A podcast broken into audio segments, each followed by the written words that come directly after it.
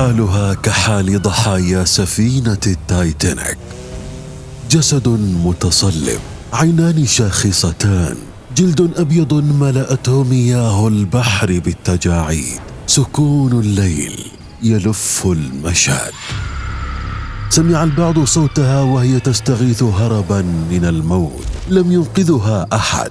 كان البحر أحن عليها ممن حولها. فهدأت الأمواج. وبرد المكان مما عجل من موتها وتصلبها فهوت واستقرت في كبد البحر جسدا من دون روح. بهذه النهاية الحزينة أقفل المحضر.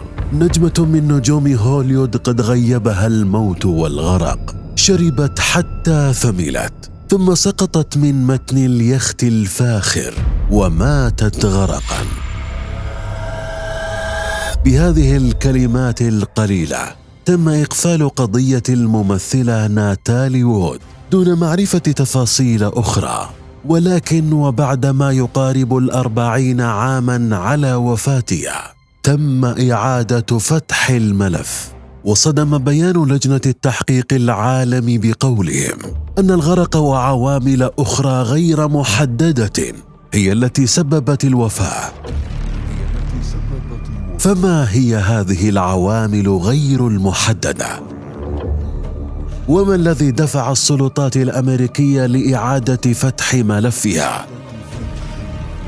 وهل قيدت قضيتها ضد مجهول لعدم معرفة الجاني؟ أم أن نفوذه كان أكبر من أن يتم تجريمه؟ ناتالي وود الضحية التي قتلها الفن والثراء أنا عبد العزيز الخمعلي وأنتم تستمعون إلى ضد مجهول وإلى الحكاية. في الثلاثين من تشرين الأول عام 1938 ولدت ناتاليا زاخارينكو في مدينة سان فرانسيسكو الأمريكية. هي الابنة الوسطى لعائلة روسية الأصل هاجرت للولايات المتحدة الأمريكية. بعد قيام الثورة البلشيفية في روسيا فنشأت ناتاليا وترعرعت وفق تعاليم الكنيسة الكاثوليكية وبسبب التزام عائلتها تخلت أمها عن حلمها بأن تكون راقصة باليه وصبت تركيزها على ابنتها الوسطى التي لطالما حلمت بأن تصبح ممثلة مشهورة. كانت بداية الطفلة ناتالي في التمثيل وهي ابنة سبع سنوات. وأصبح اسمها الفني ناتالي وود وحققت الكثير من النجاحات بالرغم من صغر سنها وفي عام 1947 رشحت للفوز بجائزة الأوسكار كأفضل ممثلة مساعدة وهي في التاسعة من عمرها.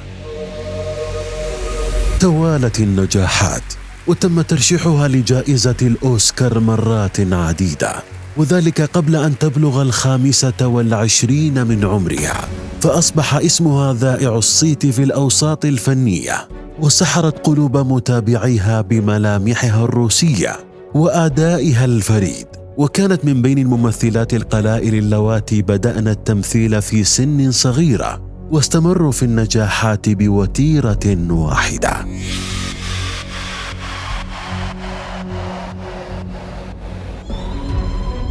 وفي سبعينيات القرن الماضي تزوجت ناتالي من رجل الأعمال والمليونير روبوت واغنر وأنجبت منه طفلين. إلا أن زواجهما لم يدم طويلا وتم الطلاق بينهما.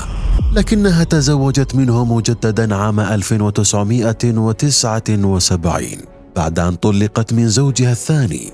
ولو أن الزمان يعاد بناتالي لكانت بالتأكيد سترفض العودة لواغنر. فما ستؤول له الظروف. ستجعل من واغنر لغزا محيرا حتى يومنا هذا.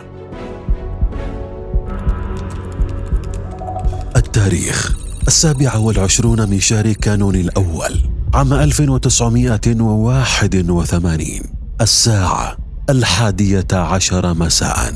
المكان على متن يخت فاخر بالقرب من سواحل كاليفورنيا.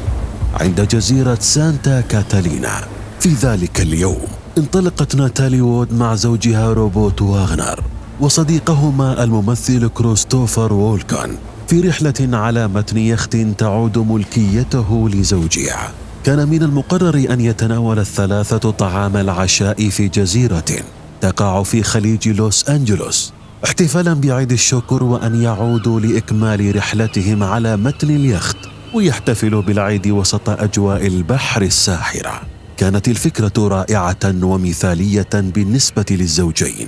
لكن السؤال الذي يطرح نفسه ما سبب مرافقة الممثل كريستوفر ووكن لناتالي وزوجها في هذه الرحلة؟ بعد أن تناولوا عشاءهم في تلك الجزيرة عاد الثلاثة لليخت وبدأت حفلتهم بالقرب من سواحل كاليفورنيا. عند جزيرة سانتا كاتالينا ووسط هذه الأجواء الساحرة أفرطوا في الشرب ووصلوا لحد الثمالة. وعند هذا المشهد انتهت القصة. لأسباب مجهولة لم يتمكن أحد من فهمها توجهت ناتالي من مقدمة اليخت لمؤخرته وحاولت إنزال قارب النجاة محاولة مغادرة المكان إلا أنها سقطت في مياه البحر من شدة الثمالة وماتت غرقا لكونها لا تجيد السباحة. ولديها رهاب من البحر وأقفل التحقيق بهذا الشكل وسط غموض قاتل وموجة غضب عارمة من محبيها مدعين أن هذه الرواية غير صحيحة وأبعد ما تكون عن المنطق. فكيف سقطت دون أن ينتبه أي أحد لذلك؟ بالرغم من أن الفارق الزمني بين مغادرتها المكان وموتها دقائق قليلة فقط. أما الأمر الآخر فكيف لم يسمع أحد صراخها؟ بالرغم من حجم اليخت الصغير والأهم من كل هذا لما احتاج الأمر عدة ساعات حتى علموا باختفائها من اليخت. بقيت هذه الأسئلة لغزا محيرا لسنوات طويلة. وكلما حاول فريق مختص إعادة فتح التحقيق يتم رفض طلبه. وفي حال أعيد فتح القضية يتم غلاقها بنفس النتيجة التي توصلت لها السلطات حين وفاتها. ليبقى هذا الأمر لغزا محيرا حتى عام 2009 حين فجر ربان اليخت قنبلة مدوية بتصريحه الذي أعاد الجميع لنقطة البداية. ففي عام 2009 صرح قبطان اليخت الذي تعود ملكيته للسيد واغنر أنه قد اضطر لإخفاء بعض التفاصيل عن الشرطة وذلك بإعاز من زوج ناتالي روبوت واغنر. فعلى مائدة العشاء التي كان يجلس عليها الثلاثة حصل أمر ما دفع واغنر للغضب وللصراخ بشكل هستيري ونعت كل من ناتالي والممثل والكان بألفاظ قذرة وعلى إثرها توجه والكا لغرفته وكذلك غادرت ناتالي المكان وصعدت لغرفتها ليتبعها زوجها وهناك بدأت أصواتهما تتعالى وذلك بسبب غيرة واغنر على زوجته. بعد أن لاحظ حالة من الانسجام المريب بين ناتالي والممثل والكان. وقد قام وولكون بمغازلة ناتاليا عدة مرات أمام زوجها ووصفها ببعض الإيحاءات الجنسية. وهنا لم يتمكن من تحملها مما سبب حدوث مشكلة كبيرة بين واغنر وولكان وبعد عدة دقائق من الصراخ والبكاء الذي ملأ المكان سمع القبطان واغنر يقول لزوجته أغربي عن وجهي. لتخرج الأخيرة من الغرفة وبعد دقائق قليلة سمع صوت ارتطام قوي. ليعم الهدوء المكان بعد ذلك. لكن الصادم في الأمر أن القبطان بالرغم من سماعه لكل التفاصيل التي دارت بين الثلاثة إلا أنه قد أكد عدم سماعه صوت ناتالي وهي تغرق فلم يسمع صوتها وهي تستنجد أو تصرخ قبل أن تموت. مما يدل بأن ناتالي لم تمت غرقا. وفي التحقيق ذاته صرح القبطان أنه قد توجه لغرفة واغنر بعد ربع ساعة من انتهاء المشكلة وقد رأى حينها واغنر وهو يبكي ولم يجد أي أثر حينها لناتالي على اليخت. وعندما سأل واغنر عن مكانها أو سبب اختفائها أخبره بأنها قد رحلت ولن تعود ابدا وقد صرح بذلك وهو في حالة من الثمالة. تدل بأنه لم يكذب حينما قال ذلك. بحث الربان عن ناتالي على متن اليخت ليكتشف بأن قارب النجاة مفقود فهرع لإخبار الزوج بذلك وأخبره بضرورة الاتصال بالطوارئ إلا أن الزوج رفض ذلك وقال ببرود تام دعها تتعلم الدرس. كانت هذه التصريحات التي أدلى بها ربان اليخت. بمثابة قبلة الحياة للغز وفاه ناتالي وود فتم إعادة فتح التحقيق ليتبين فعلا أن واغنر لم يتصل بالطوارئ إلا بعد مضي ساعتين على اختفاء زوجته حينها لم يكن فريق الإنقاذ مجهزا لعملية كهذه مما أخر اكتشاف الجثة لأكثر من خمس ساعات وتم العثور عليها على بعد 200 متر من الشاطئ. ومع إعادة فتح التحقيق جراء التصريحات التي أدلى بها ربان اليخت ظهر شهود جدد في القضية. صرحوا بأنهم قد مروا بقاربهم بالقرب من اليخت وقد سمعوا حينها أصوات صراخ وبكاء وضجيج منبعث من جهة يخت واغنر دون أن يعرفوا سببا لذلك. وما هي إلا دقائق قليلة حتى سمعوا صوت امرأة تستغيث وتقول بأنها تغرق. ليسمعوا من بعدها صوت رجل يقول لها أنه قادم لإنقاذها ليعم الصمت المكان من بعد ذلك دون أن يعرف الشهود من هو هذا الرجل وهل حاول إنقاذها أم لا. وبعد هذه التصريحات تم فحص جثة ناتالي مرة أخرى واستمر التحقيق عامين كاملين.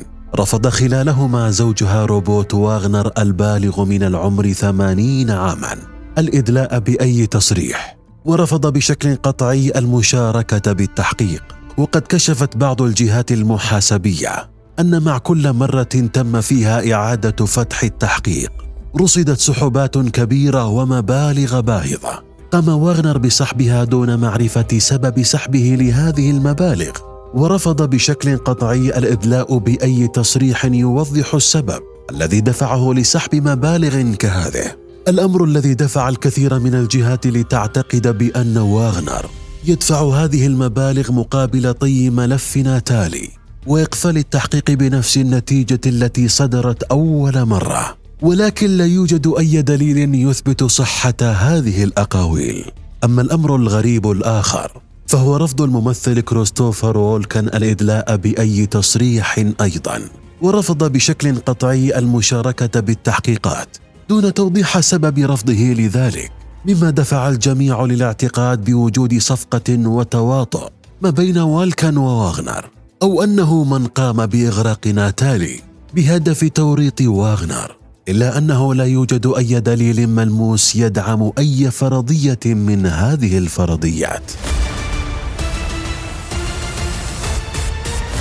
وأخيرا وفي عام 2011 صدر آخر تقرير جنائي يخص قضية ناتالي وود تم اختصاره ببضع كلمات زادت الأمر سوءا وغموضا حيث صرحت الجهات المعنية أن الغرق وعوامل أخرى غير محددة هي التي سببت الوفاة ليبقى اللغز حتى هذا اليوم يدور حول جملة الأسباب الأخرى التي رفضت جميع الجهات الرسمية توضيح ماهيتها. الأمر الذي أحدث موجة من الغضب في الشارع الأمريكي وذلك بسبب تشكيكهم بنزاهة وعدالة القضاء الأمريكي. فهل يا ترى أن سلطة المال قد تمكنت من كبح جماح القضاء أم أن قضية ناتالي وود مجرد حادث عابر؟ ولم تجد السلطات أي داع لتوريط أسماء وشخصيات كبيرة بموت ناتالي. والآن السؤال لك عزيزي المستمع. شاركني رأيك في التعليقات فقد نتمكن من رسم تصور منطقي للجريمة وقد يكون له الأثر الأكبر يوما ما. لا تنسى أن تشاركنا ذلك عبر حسابنا في تويتر. باسم بودكاست ضد مجهول وحتى الحلقة القادمة. كونوا حذرين.